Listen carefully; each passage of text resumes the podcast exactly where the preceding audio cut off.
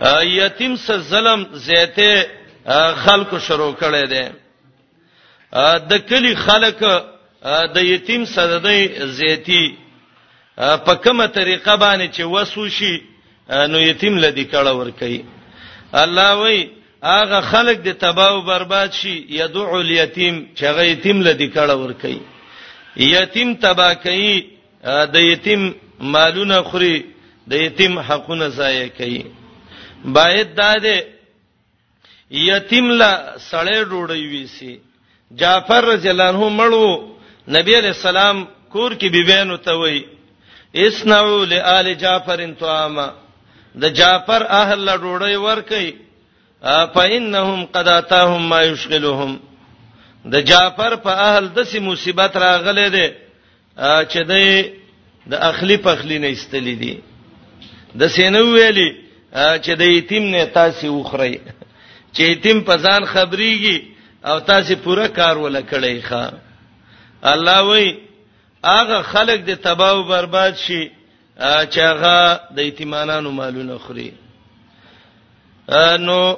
واقعا کې زورنه ده رد هغه چاله چې هغه هله د الله په حکمونو کې کړي د رب حکمونه د کې هله کول دا من عادت اليهود د يهود عادت ده د مسلمان عادت نه ده مسلمان به وعده نه ماتي دوکي بنه کوي هله بنه کوي د یتیم مالونه دي غلطه طریقه باندې به ولنه خوري ښا د کلی خزو د یتیم سره کوم انصاف وکړه نه به پیژني نه به یېجني وربشي التمړي خاله بس وښ کې براتوي کی کجړه نه ورزي نو سره مرچ سترګو پوری وصولای او خلک وی پلان ډیره خفه ووي بلادم نه ولي خو ماسپخین د ډوړې ټیم دی هغه ته ځان برابرې او دا د سیدا د یتیم کور به پیجنی لکه دا چې سپینځر هوټل ته ور رواني نه په یتیمه توخره د یتیم نه تمخره شریعت حکم وک اغه خلق چې د یتیمانو مالونه خوري ګړو کې وره چي الله به تباہ او برباد کی الله به هلاکی واقعا کې د يهودو مرز هغه دا چې د هیله کولې د الله حکمونو کې د الله احکام نه منل الله تبع او برباد ک مفسرین وای دا واقعا به يهودو پټوله الله رب العالمین ویل تاسو ته خپته ده زې ته پوسټه وکړي ولقد علمتم الذين يقينا خمالم دي تاسو ته خلک یا تدو چې زیته کړه منکم استاسنا په سبت د خالی پورز یا په عزت د خالی کې فقلنا لهم من ویلو دیتا کونو شی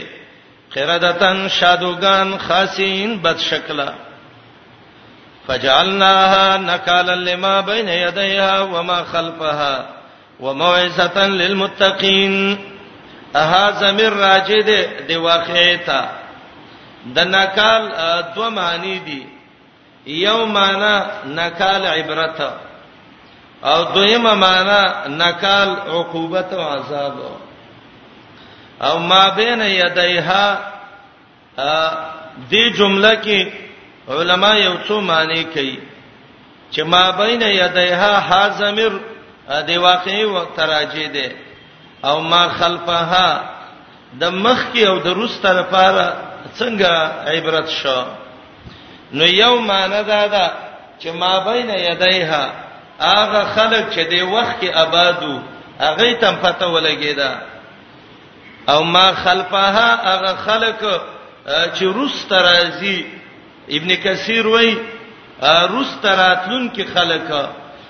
نو دا د هغه د پاره یو عبرت شو موجوده او ته پته ولګی دا چې څوک هلي کوي دا به حالي رستنو تم پته ولګی دا ما بین یدیها عامرین د دې کلی وما خلفها هغه چې رستب سرازی دویمه معنا ما بین یدیها هغه کلی چې دې کلی ته نږدې وو وما خلفها وما تباعد عنها هغه چې د دینه رستو او دریم ما بین یدیها هغه چې مخ کې ګناهونه کړیو و ما خلفها او هغه چې رسته کړیو د رستنو هلګر کو او د مخکینو د ټولو د الله د یو نمونه وګرځولا خو صحیح تفسیر ادا دی چې آیات کې درې الفاظ دي یو ما بین یدیها موجوده يهود د دې واقعې په وخت کې ما خلفها هغه يهود چې روس ترازی چې هغه ته پته ولګي چې زمونږ پلاران الله د سي ذلیل کړیو او موعظه للمتقین لام د انتفاع د پاره ده او متقین نه ابن کثیر وای امت د محمد رسول الله مراد ده زړو يهودو رستنو يهودو لا عبرت شو امت د محمد رسول الله له عبرت شو چې هلي و نه کوي د الله حکمونو کې د قحال ومي او نکالن لفظ عبرت او عقوبت دواړو ته وایي قران کې درې سه د لفظ راغلي دي فجعلناها غرسول ومن دی واخیلا نکالن عبرت یا نمونه د عذاب لما بین یدیها هغه يهود لا چې موجود وو په وخت د واقعیا کې وما خلفها هغه چې رسترازی دایره کشرانو مې عبرت شو چې د مشرانو نم شادوګي او خنزیران جوړ شيو کته سه د سکار کوي تاسو نه بم جوړ شي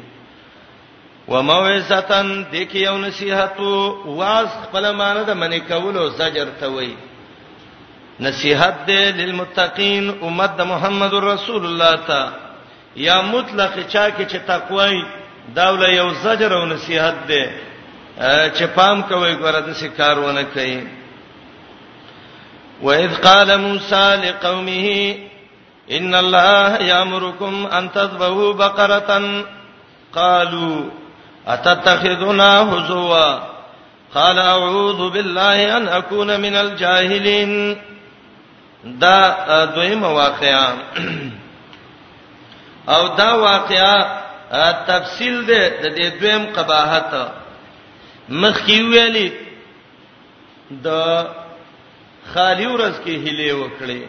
دلته وای د غوا په باره کې هلي کوي دویم مخ کې ویلې زیتیه کوو په باره د خالی کې دلته وای زیتیه کوو په باره د دې کې چې د الله حکم نه عملي کوو او د موسی عليه السلام واقعي ذکر کوي لفظ د بقر قران کې څلور ځای راغلی دی بدون تا او لفظ د بقرتون معتا دا درې ځای راغلی دی او لفظ د بقرات چې دی الف تا سچ جمع راغلی دوزه قران سورته یوسف کې ذکر کړی دی دا واقعا موسی علی السلام یو ځل خپل قوم ته ویلې الله وی غوالا لکې د کې د علماو اختلاف وو چې دا غوا وو کدا غویو جلالین د اختلاف ذکر کړل دي څوک وای دا غوا وا زکه بقرتن الله ویل دي څوک وای دا غویو ځکه ان البقره تشابه علينا الته مذکر ذکر کړي دي خو خبره دا ده چې لفظ د بقرتون مشترک دی د مذکر او مؤنث دواړو مینس کې لکه لفظ د شاتون چې مشترک دی دویم دا مؤنث دی شاب د لذیذ سیبوی چې دا غویو او دا تا چې راغلی دا د ته تا د وحدت جنسی وای تاسو به ویلي کتابونو کې وحدت فردی نوعی جنسی او بقر په معنی د شق شلولو ته وای او غوا غوي ته بقر وای زکه تشق الارض بالحرس زمکه شلې اړې راړې حدیث کې راغلی رسول الله علیه السلام ویلو د غواګانو د شاګانو نه منبرونه ما جوړوي د حیواناتو چې ولاړې وي او بیانونه پکوي لا تجعلوا ظهور الدواب منابرا غوا دا الله په ډېری پیدي خيري غوخه اوخره پېتی اوخره بچی براوړي هغه ګټه شو فصل په دغه کده وکړه زمکه په واړه وا دارنګي ارټ په وکا وب په راوباسا قرآن دوست ذکر کړی دی دا فواید دی په بقراتو کې بنی اسرائیل ته موسی علی السلام وی وای الله ویلی چې غواله لکې هغه ویلی موسی ته موږ ټوکې کېڅ غرکم ټوکې مکه ورابسي دا د غوا د الاله کې حکم ولې ته الله کړو علما ذکر کوي چې صحیح قول دا دی امام ابن کثیر وای نور علما وای مدارک لیکلي دي قرطبي لیکلي دي چې امر الله لهم بذبح البقره الله ویل خوا الاله کوي ولی ليهون عليهم معبودهم دای د غوا بندگی کړي و د سخی چې الله یې په دا معبود سپکې چې په خپل لاس یې حلال کړي چې د زړه نم یې راوځي ښا بعضی د سخاتین د دین دلیل نسی وای دا سړی مړو رست راځي وای قتلتم نفسا نه معلومه ده مړې پروتو الله دې ته ویل خوالاله کې به به مړې ووي نو مړې پروت وو دغه او دا دای غواب سي ګرځیدل نو تفسیر ابن کثیر وای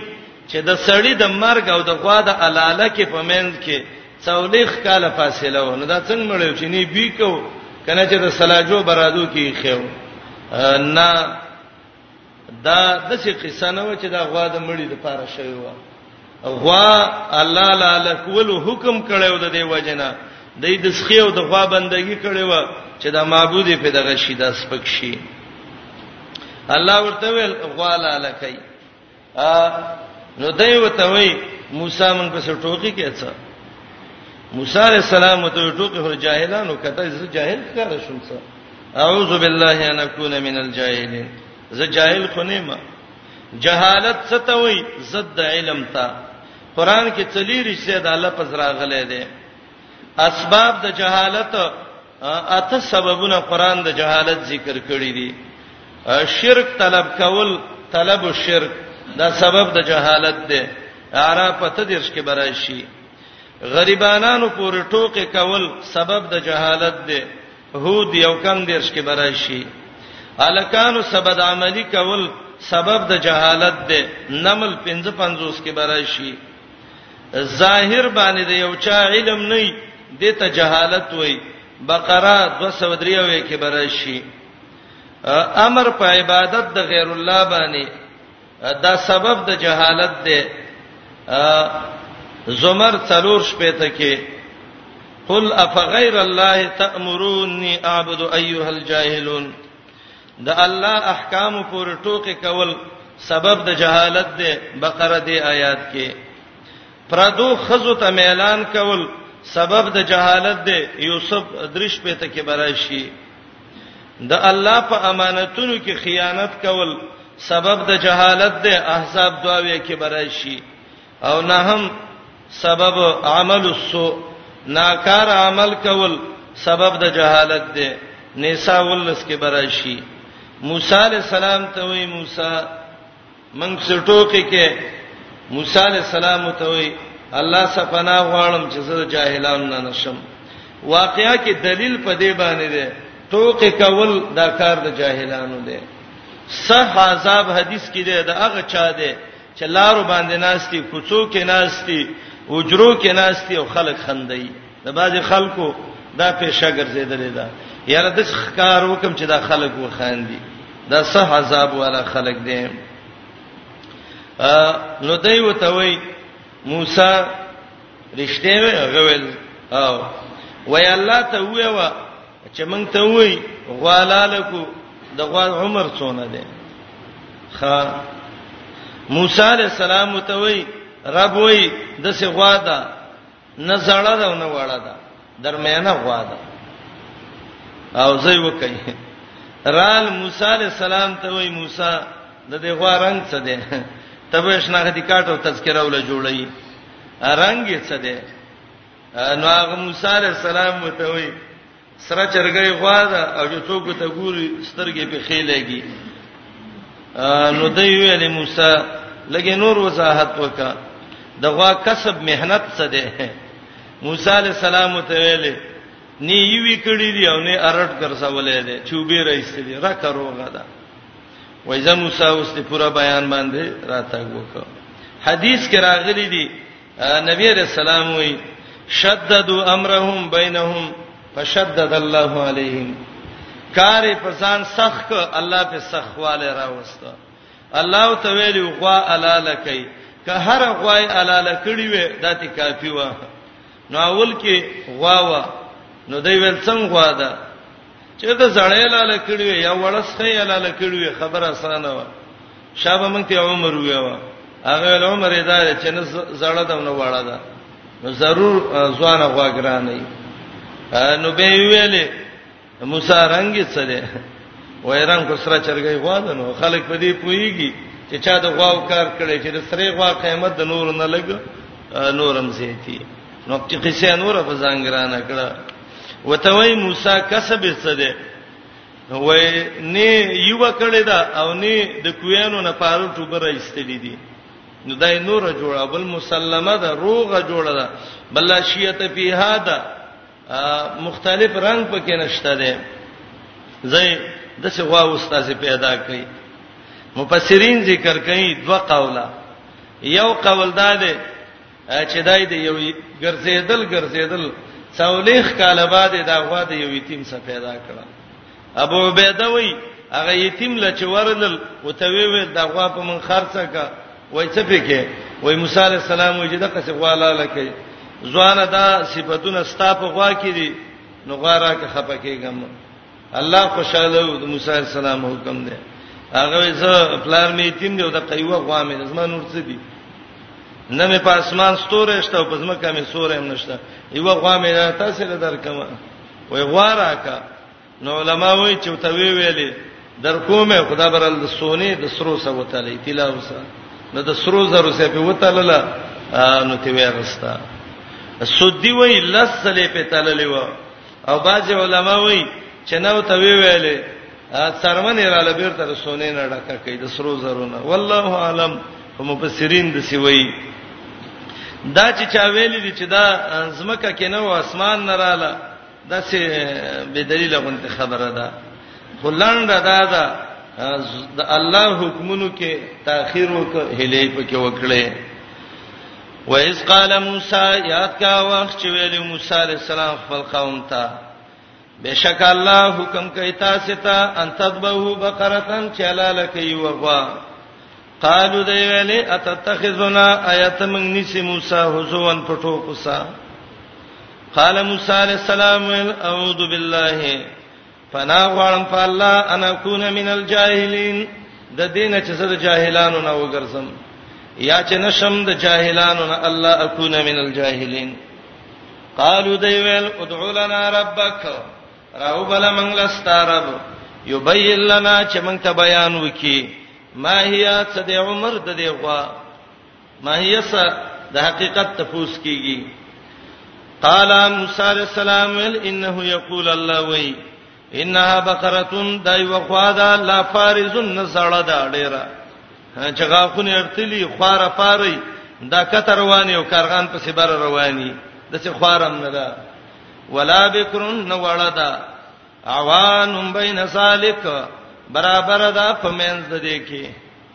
دا عوانون ویل علما وای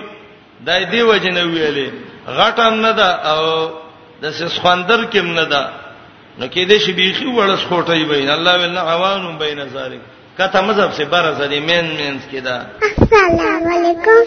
تعال کولو پخپلو دعا غانا حتا ته او غوا چې زړیږي هم قیامت غورځي او چې وړکیږي هم قیامت غورځي ففعلوا وکیمات مرون هغه چې حکم د تکي دا یو ته به نصیحت وکړه لیوانو په خې مکه وی کار وکي قالو دی ویل ادعو لنا ربک راو بل من لرستا یبین لنا چې موږ ته بیان وکي ما لونها څه د رنگ د دی غوا ګرځي رنگونو په سپوي بشي قال موسی عليه السلام توي انه يقول يقينا الله وي انها بقره دای وغوادا صفراء تکزیړه دا فاقع لونها پړقیدون کې رنگ د دې په زیړوالي کې یا خالص دې د دې رنگ په زیړوالي کې تسر الناظرین خوشالۍ کتون کلا سوداګر چې ته ګوري زړه خوشاليږي قالو دی ویل ادعو لنا ربک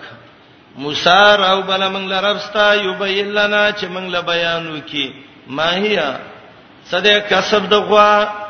منطقین وای ما هو او ما هيا سبب د حقیقت نه د بل شي ته پوس نه کیږي قران کې دا دې شوه دې کنده ما هيا د کسب پوس شوه دې د حقیقت نه ده کنه الله به ته ویل وی حیوان باقر الله وی او دای ویلې ان البقره تشابه علينا یقینا غوا غړ وړ شو پمن فزانم غړ وړ کړو الله باندې و غړ وړ کړي و ان من ان شاء الله که خو غشید الله کدا الله خوخوي لمحتدون خامخا من به د هدایت والا وي لار به مندلې وي حدیث کې راځي ک ان شاء الله یې نو ویلي لما بینت لهم الی اخر الابد قیامت پورې به د غواب سي ګرځیدلې او ان شاء الله یې ویل ان شاء الله کې ډیر خیر دی محمد رسول الله تعالی ادب ذکر کوي ولا تقولن لشيء اني فاعل ذلك غدا الا ان شاء الله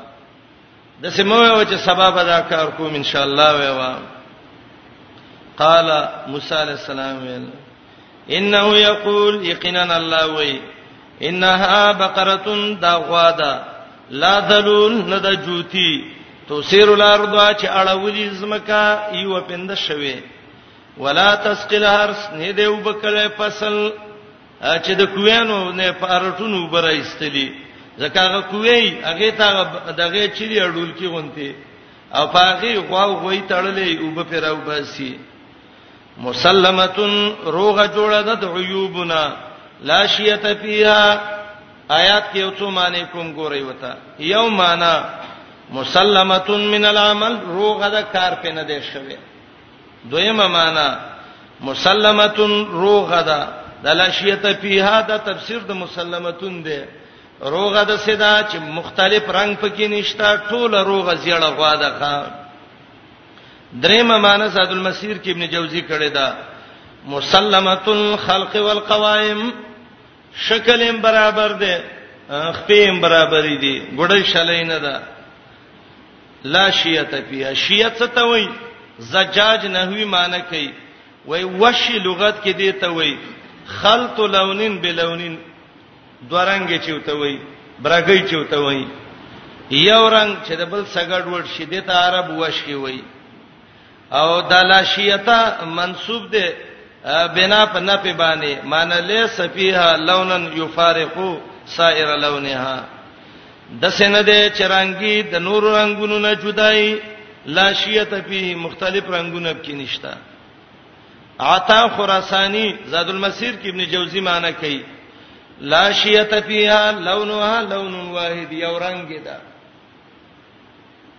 قالوا الان جئت بالحق دی ویل موسی اوس په حق راته ګوکه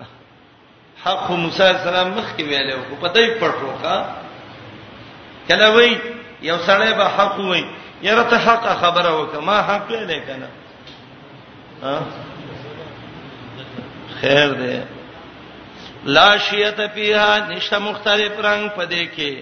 قالو دی ویلې الان جئت بالحق واسترات وک په حق باندې پورا بیان دی وک کزما که خوځي منګم د الله یو الله هم خوځي وسا او د دینه به خناسته کوم سره قران ته ناشتي او مرګ را شیدام غټه ده قدر الله ما شاء فعل كل شيء بقدر الله الان جئت بالحق واسترات وک په پورا بیان باندې پورا بیان دی وک موسی فذبحوها غایلا لکړه ګورې د قران اصطلاح ته وګورئ پای به داخله کړه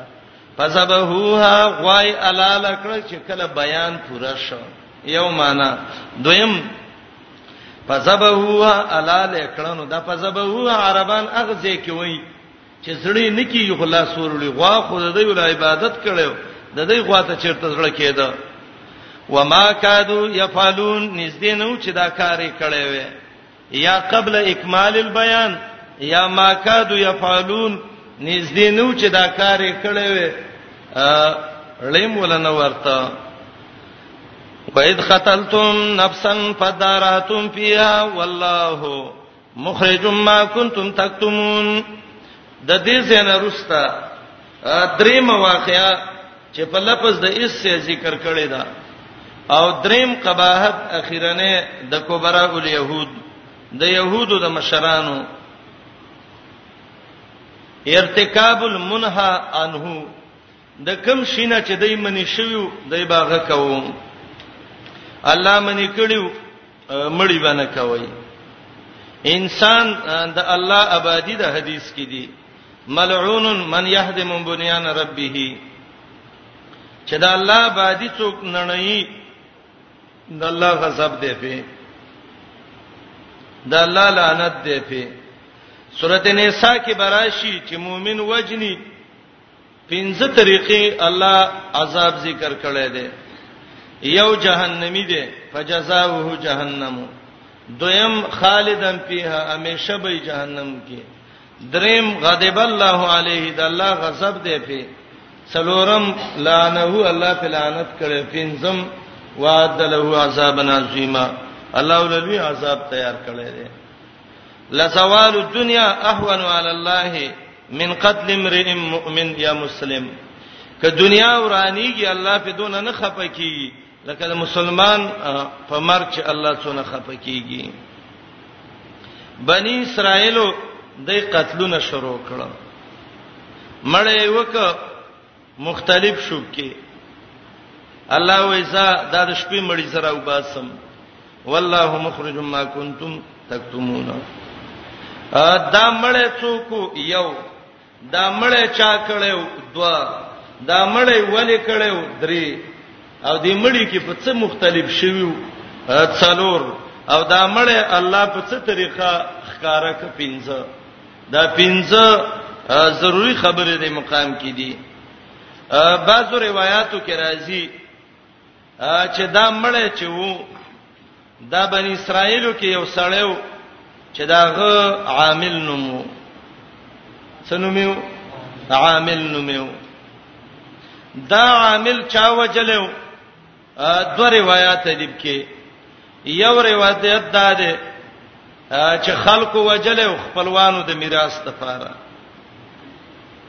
دا یو روایت ده د میراث لپاره وجل او زکه د لورګانې وې ځامنې نو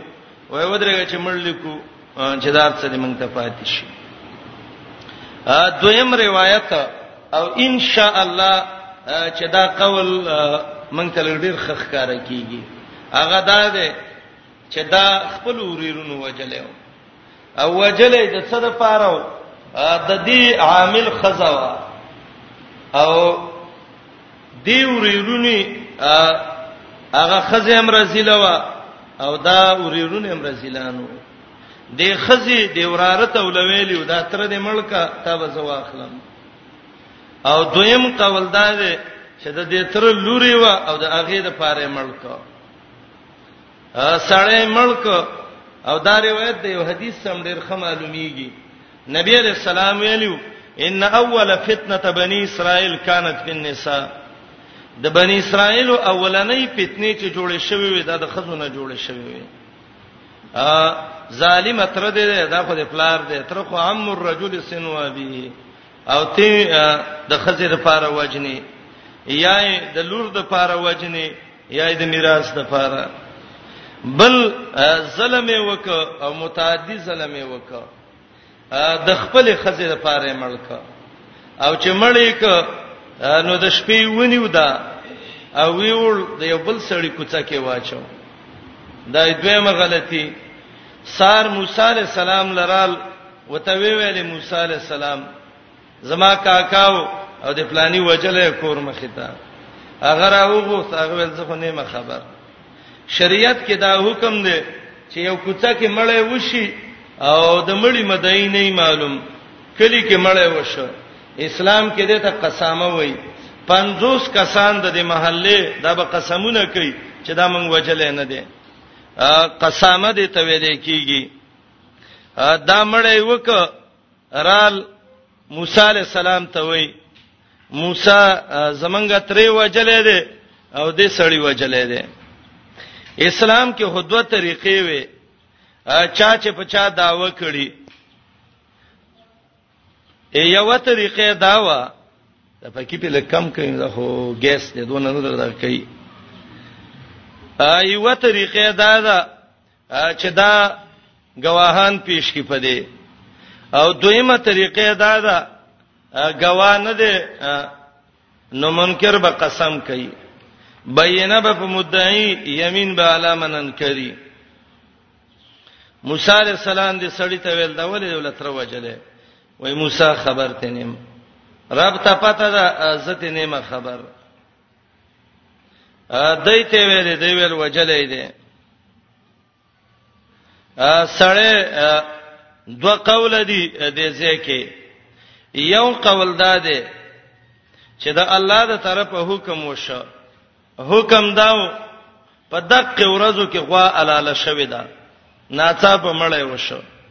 د دې غوا یو اندام راواله د مړې پیووي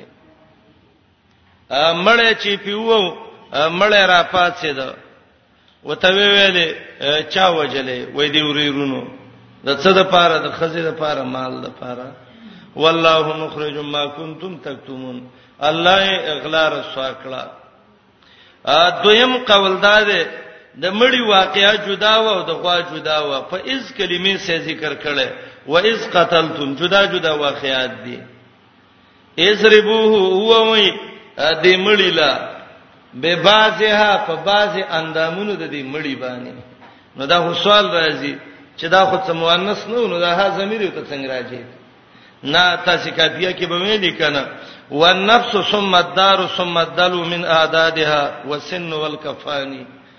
مؤنث سماعي چې وای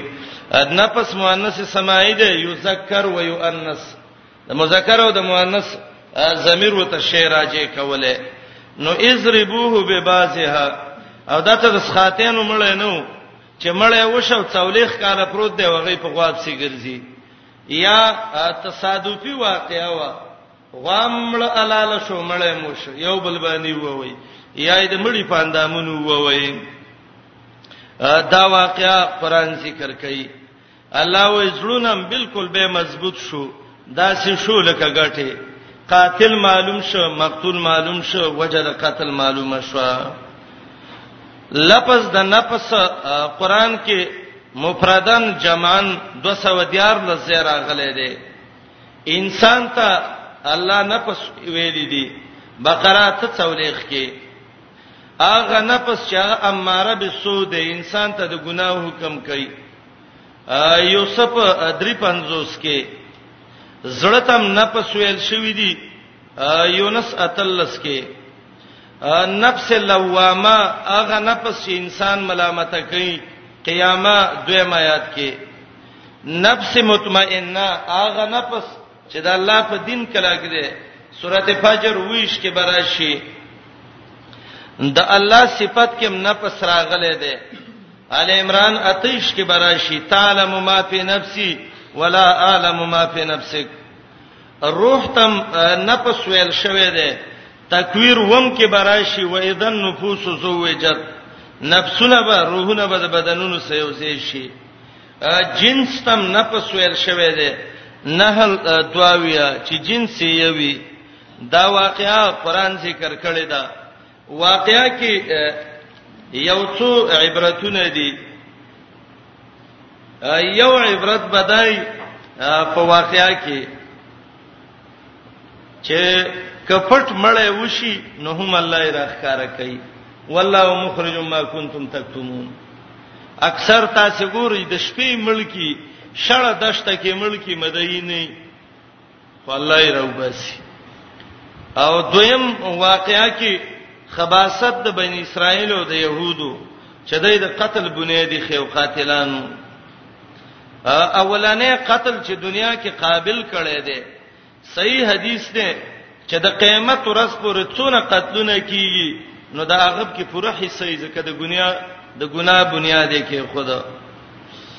او واقعیا کې دام دی دویم زه مړ شوه دی الله را ژوند دی او دریم واقعیا کې دام ده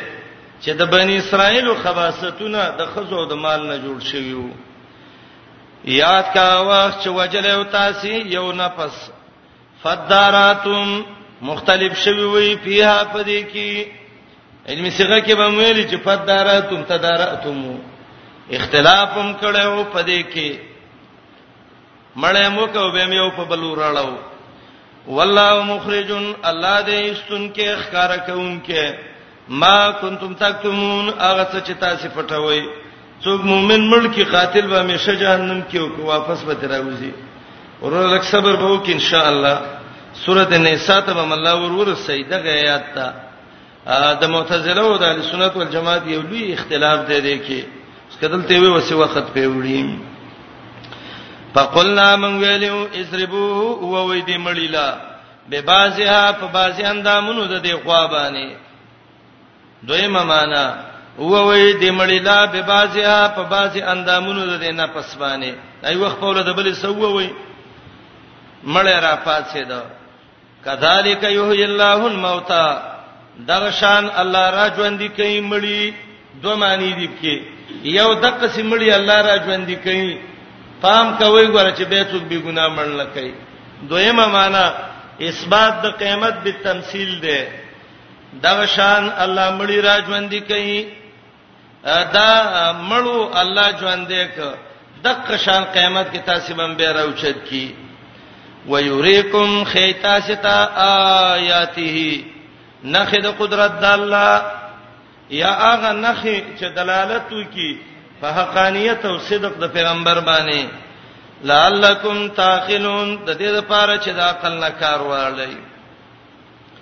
ثم قصد قلوبکم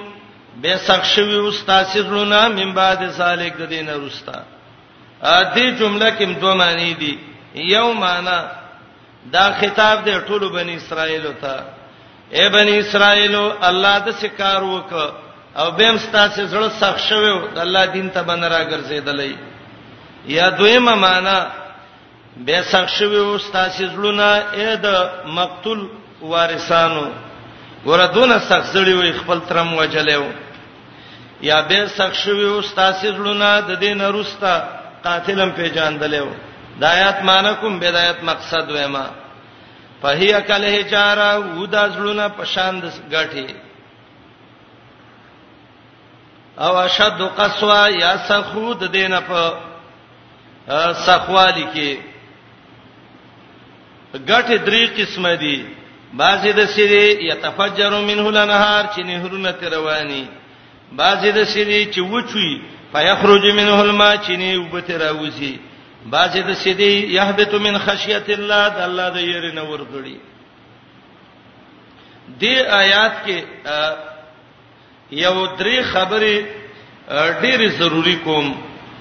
چې دا د فهم د قران سره ډېرې مفید دي یو خبره دا ده چې د زړه قسوت څه ته وایي چې الله وایي زړم سخت شوی نو د زړه قسوت دا دې ته وایي چې د زړه کې خیر ناراضي یو دویم د زړه قسوت دی ته وای چې دا زړه انابت پکې نه وي رحم پکې نه وي او دا زړه د الله د دین نه د پیغمبر د حدیثو د قران نه اثر نه خبلې دا انس رجنه روایت ده انس وای اربعه من الشقاوه څلور علامې دي چې کوم انسان کې پیدا شوي دا انسان بدبخت دی په خپل ایمان دی ویریږي یو جمود العين چې سترګې وچی شي جړه سړی نه ورزيد الله د یرینا دا انسان دی ویریږي په دې چې زه سخت زړې شوم ما دویم قسوت القلب چې زړه سخت شي زړه کې رحم ناراضي د زړه باندې دین اثر نه کوي او دریم طول الامل چې امیدونه ډیر شي او څلورم الهرس علی الدنیا چې انسان په دنیا هرس ډیر شي دا څلور علامې چې چا کې رااله دا د دې انسان د بدبختی علامه ده سترګې وچېدل زړه سختېدل امید ډېرېدل د دنیا سمینه ډېرېدل علما هغه اسباب ذکر کوي چې په هغه د انسان زړه سختيږي یو څه به تی وایم څلور اسباب د حدیث ذکر کړه زړه سخت شي زړه سختيږي په څه ګناهونو باندې یو انسان چې ګناه کوي د انسان زړه سختيږي دویم د الله د ذکر نه نه خبره کېدل چې ذکر د الله نه کیږي کوم انسان د الله ذکر نه کوي الله یې زړه سختي ځکه ذکر باندې د زړه اطمینان راځي ذکر چې نه د زړه قسوت راځي دریم سبب د قسوت قلب کثرت الكلام ډېر خبرې کول انسان چې دا ډېر خبرې شروع کی د دې انسان زړه خرابېږي څلورم سبب کثرت الطعام ډېر خوراکونه کول بس همیشه دا لګې دي او شوان وایي روانه کېم ناسته کېم کثرت الطعام د سزړه خرابېږي پنځم سبب علما ذکر کوي کثرت المنام ډیر خوب کول ورځې موده او د شپې موده ده یو غنټه له درس سره شیدل ته موده یې ښه کثرت المنام ډیر خوب دا زړه دغه کوي بعض خلک وایي قران ته کې یره ود شو په موږ سکینه نازله شو نه عبد الله ابن عباس سی وایي جهاد کې خوب سکینه ده چې د جهاد سنگر کې دا ټقا خيږي او تعالی دې وخت خوب درې پوښه چې دا اطمینان ده مونږ کې قران ته کې ناستل او خوب درغه پوښه چې شیطان مې په ولو باندې راغې او وګونه را لوټه په ولخه او شپږم سبب کثرت المخالطه مع الناس د خلکو سره ډیر کیناستل فاسیدل بس سر چا سره دروغ او رښتیا او دا د خصوبانه زړه خرابېږي د زړه هغه اسباب موږ لا پکار دي زمنګ زړونه سخت شوی دي الله دې نرم کی چې دا غي زمنګ زړونه روغ شي یو سبب دا ده کثرت ذکر الله الله ډېر یادول صحابي راغلو و یا رسول الله صلی الله علیه وسلم زړه مې سخت دی څه وکم عبد الله ابن بصر دی رضی الله عنه نبی علیہ السلام ته وی لا یزال لسانک رطبا علی ذکر الله همیشه دې جبد الله په ذکر لمدا وساته ابس خبرې کې الله یادوا دویم سبب کثرت ذکر الموت مرګ ډیر یادوا کله چې مرګ یادې د مرګ صفت ده هادم اللذات خوندونه نړۍ ختمي نو چې مرګ دې یاد شو د دنیا نه به دې مینه کټ شي زړه دې خپل ټیکيږي څلورم صدریم سبب الاطلاع علی المقابر کله کله مقبرو له تګ پکاري ورشه قبر له ورشه وګوره زما مرګره یو دا نن د دې خاور لاندې پلار مې مور مې دا خپلوان مې دي سلام علی اهل القبور الدوارث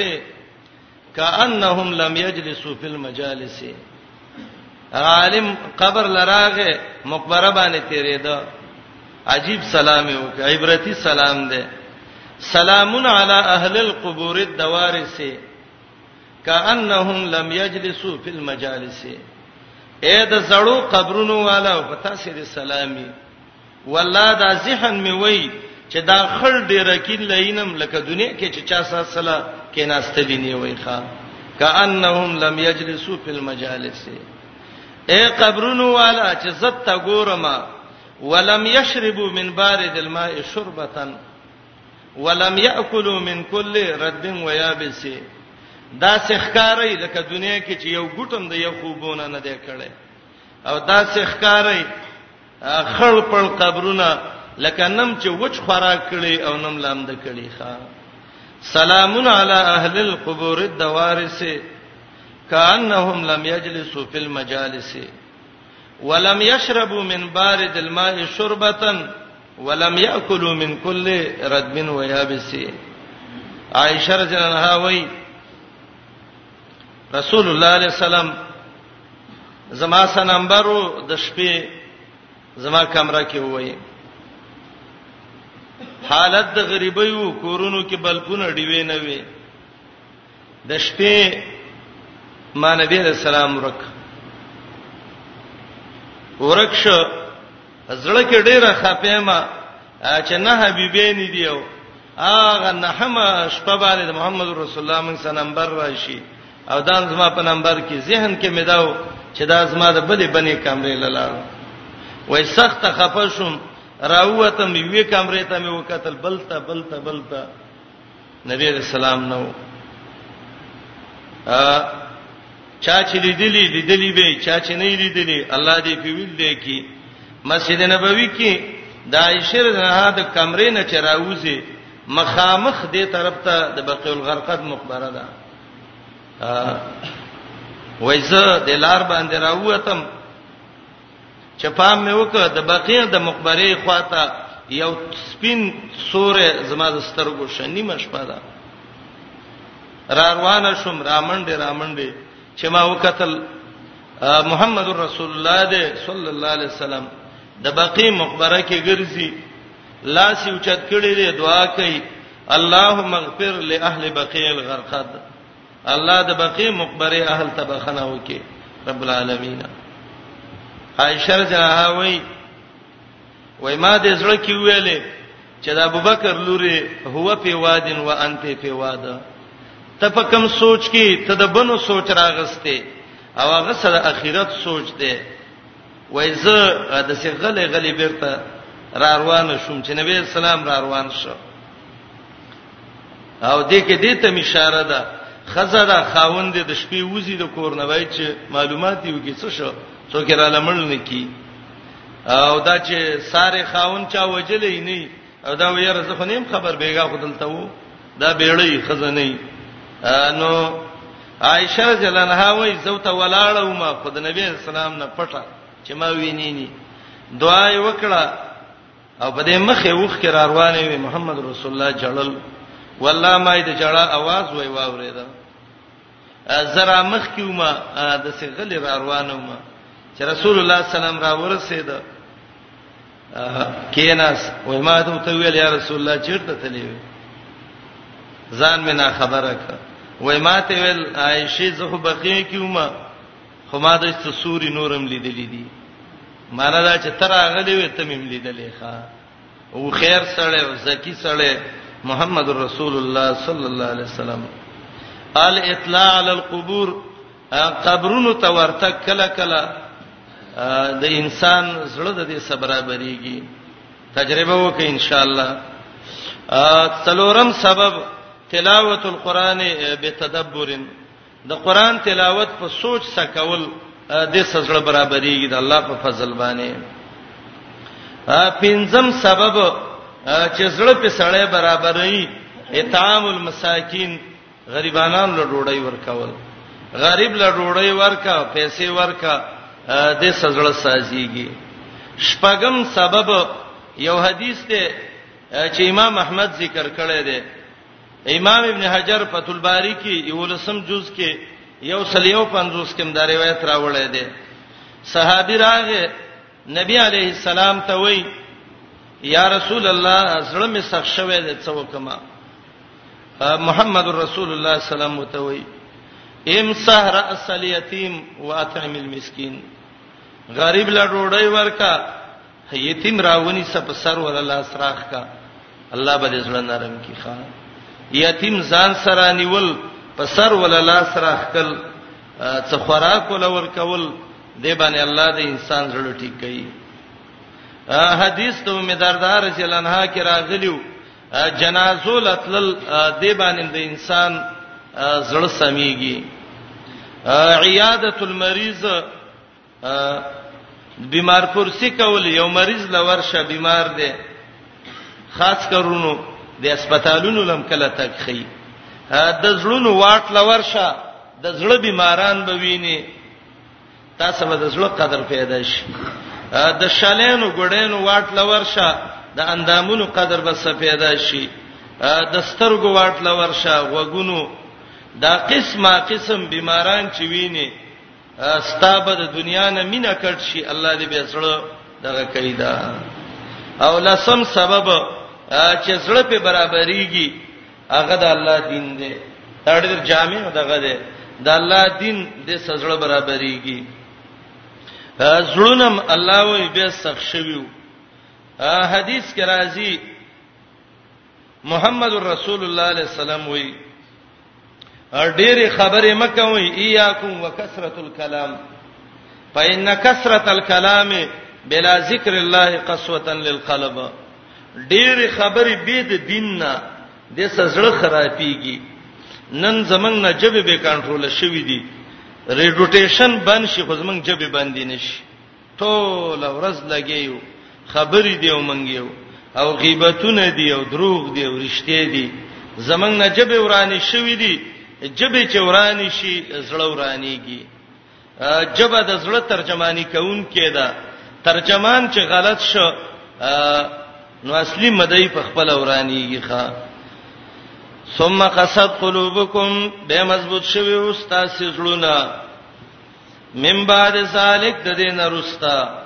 فهي کله جارا دا و په شان د غټو د اختر ورځ باندې خلک مقبره ته ځي زنانم سړیم ځي او دا ورځ خاص کړي او دا دلیل نشي چې بقیه ته نبی له سلام تله د خزو مقبرو ته تا کو شریعت منې کړي ده لعن الله زوارات القبور او د اخترونو ورځو کې صحیح حدیث دی نبی علیہ السلام وی ان هذه ایام اکل و شرب دا د خوراکونو د خوشحالي ورځې دي غمونه مګر زوي ځان باندې ثم قصات به مضبوط شوی او تاسو زړونه من بعد سالک رستد دینا فهیو دا زړونه کله جاره پشان د غټي د ګټې په شان هم زړونه مضبوط شو یو خو زړونو کې قسوت قلب راغله او ای قاتلانو یا زړونه د ګټې په شان مضبوط شو چې قاتل مو پیژاند وجه د قتل معلومه کړه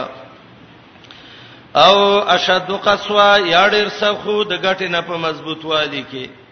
او د زړه مضبوطو قسوت دا ده چې انابت پکې نه د الله یاتونو باندې یقین نه وان من الحجاره لما يتفجر منه الانهار د دې آیات درې قسمه غټي الله دې آیات کې ذکر کړی دي زنه د څه غټي چې نهرونه ته رواني لکه پرون درس کې ویلو د موسی عليه السلام د غټي نه چوبرا وتلې وي دولس شینې ته وتی وي او زنه د څه غټي چې هغه وشلېږي وبته راوځي لګي لګي وبته را رواني او ځنې د سیګاټي چې دی غرونو کې او د الله د یې نه راور غړي څوک چې غرونو کې پاتې شوی غړي بيزي ساتلی هغه ته د پته غر کې غټه ور غړي سادهګان خلک وي پیرانو لته ور کړه پیرانو چې لته شوی ور کولې تی په وجلې دا غټه ده د الله د یې نه ورغښتا يهبط من خشيه الله درې قسمه ګټي نهرونه ته روان لګي لګي وبته روانه د الله د یری راورغړي د آیات مقصد فهم الآیات د قران مقصد باندې ځان پوي کوي شپه ورځ به دا زوتوي غټي دسی وبتی زی او پلانې تیزی د دې څه مقصد دی چې الله دې ځکه مونږ ته دا ذکر کوي چې ځنې غټو نه نیرونه رواني ځنو نه وړي چینی او ځنې د الله دې یې رغړي مشهور مفسر دی ابو حفص امام ابن عادل الدمشقي داغه تفسیر ده اللباب فی علوم القرآن د دمشقي هغه د دې آیات لاندې وای وای د دې میسا مقصد دا ده کپه دې ګټه کې عقل وې او دا آیاتونه لیدلې وې نو خامخا به دې ګټي حق قبول کړي وي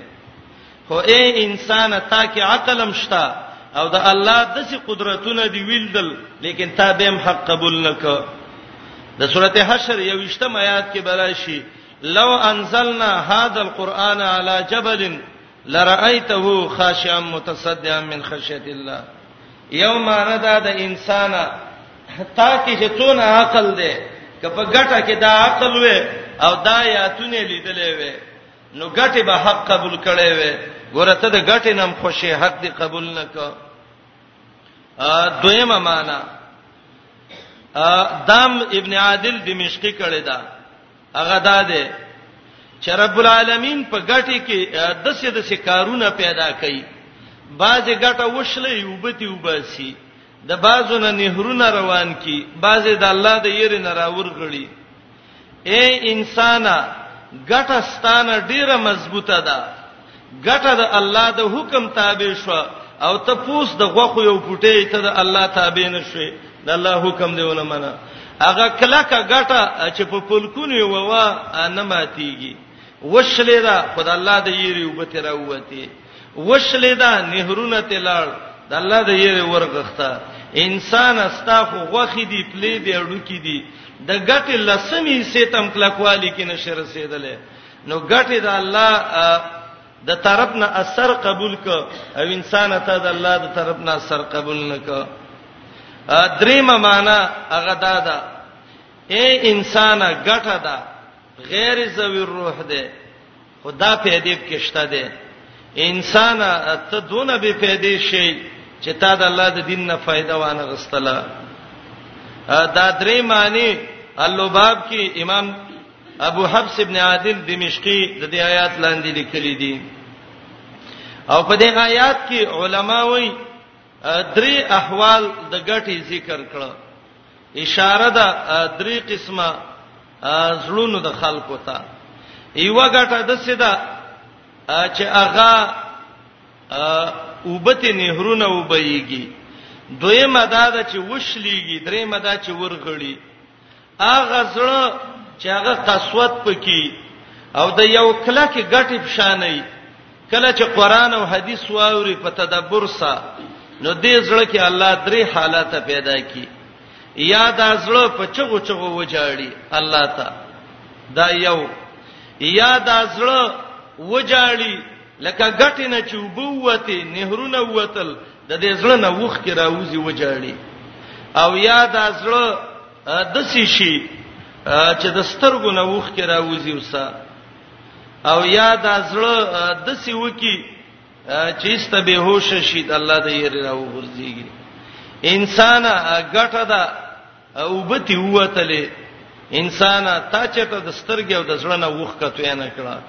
انسان غټه ده چې نه ته راوته ستا په مخ چیرته د وښ کو باران ونشه انسان ګټه د الله د یری ورغخته ته د الله د یری چیرته به تبیته نشوي انسان الله به پروا نه ده ستاسو د عمل نه الله به حساب د سوکی وان من الحجارتی قینا باز د غټونه لما خامخا غدی يتفجر منه الانهار چروانی داغه نه نهرونه ولی تروانی وان منها بشک بازر دی کی لما خامخا غدی یشققو چې وشلیږي فیخرج منه الماء راوزی دا غینه وب وان منها یقینا باز پدې کې لما خامخا غټی دی یحبط من خشیت الله چې ورغړی د الله د یرینا وم الله بغافلن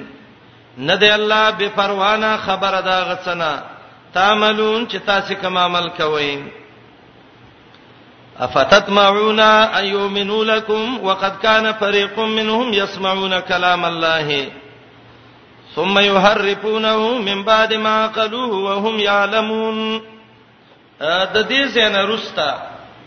وس پنځه قباحتونه ذکر کړي د موجوده يهودو په وخت د نزول القرآن کې کله چې قرآن نازلې ده نو دا پنځه مرزه د مدینه په يهودو کې یو مرزه داو تحریف مانوي به کوو تحریف لفظي به کو د الله کلمه به ته معلومه شو رد بدل به کړه تفسیر قرطبی لیکي د مجاهد او د سودی قول یې نقل کړی دی هم علماء اليهود دا د يهودو مولانو یحرفون التوراۃ تورات کې به تحریف کو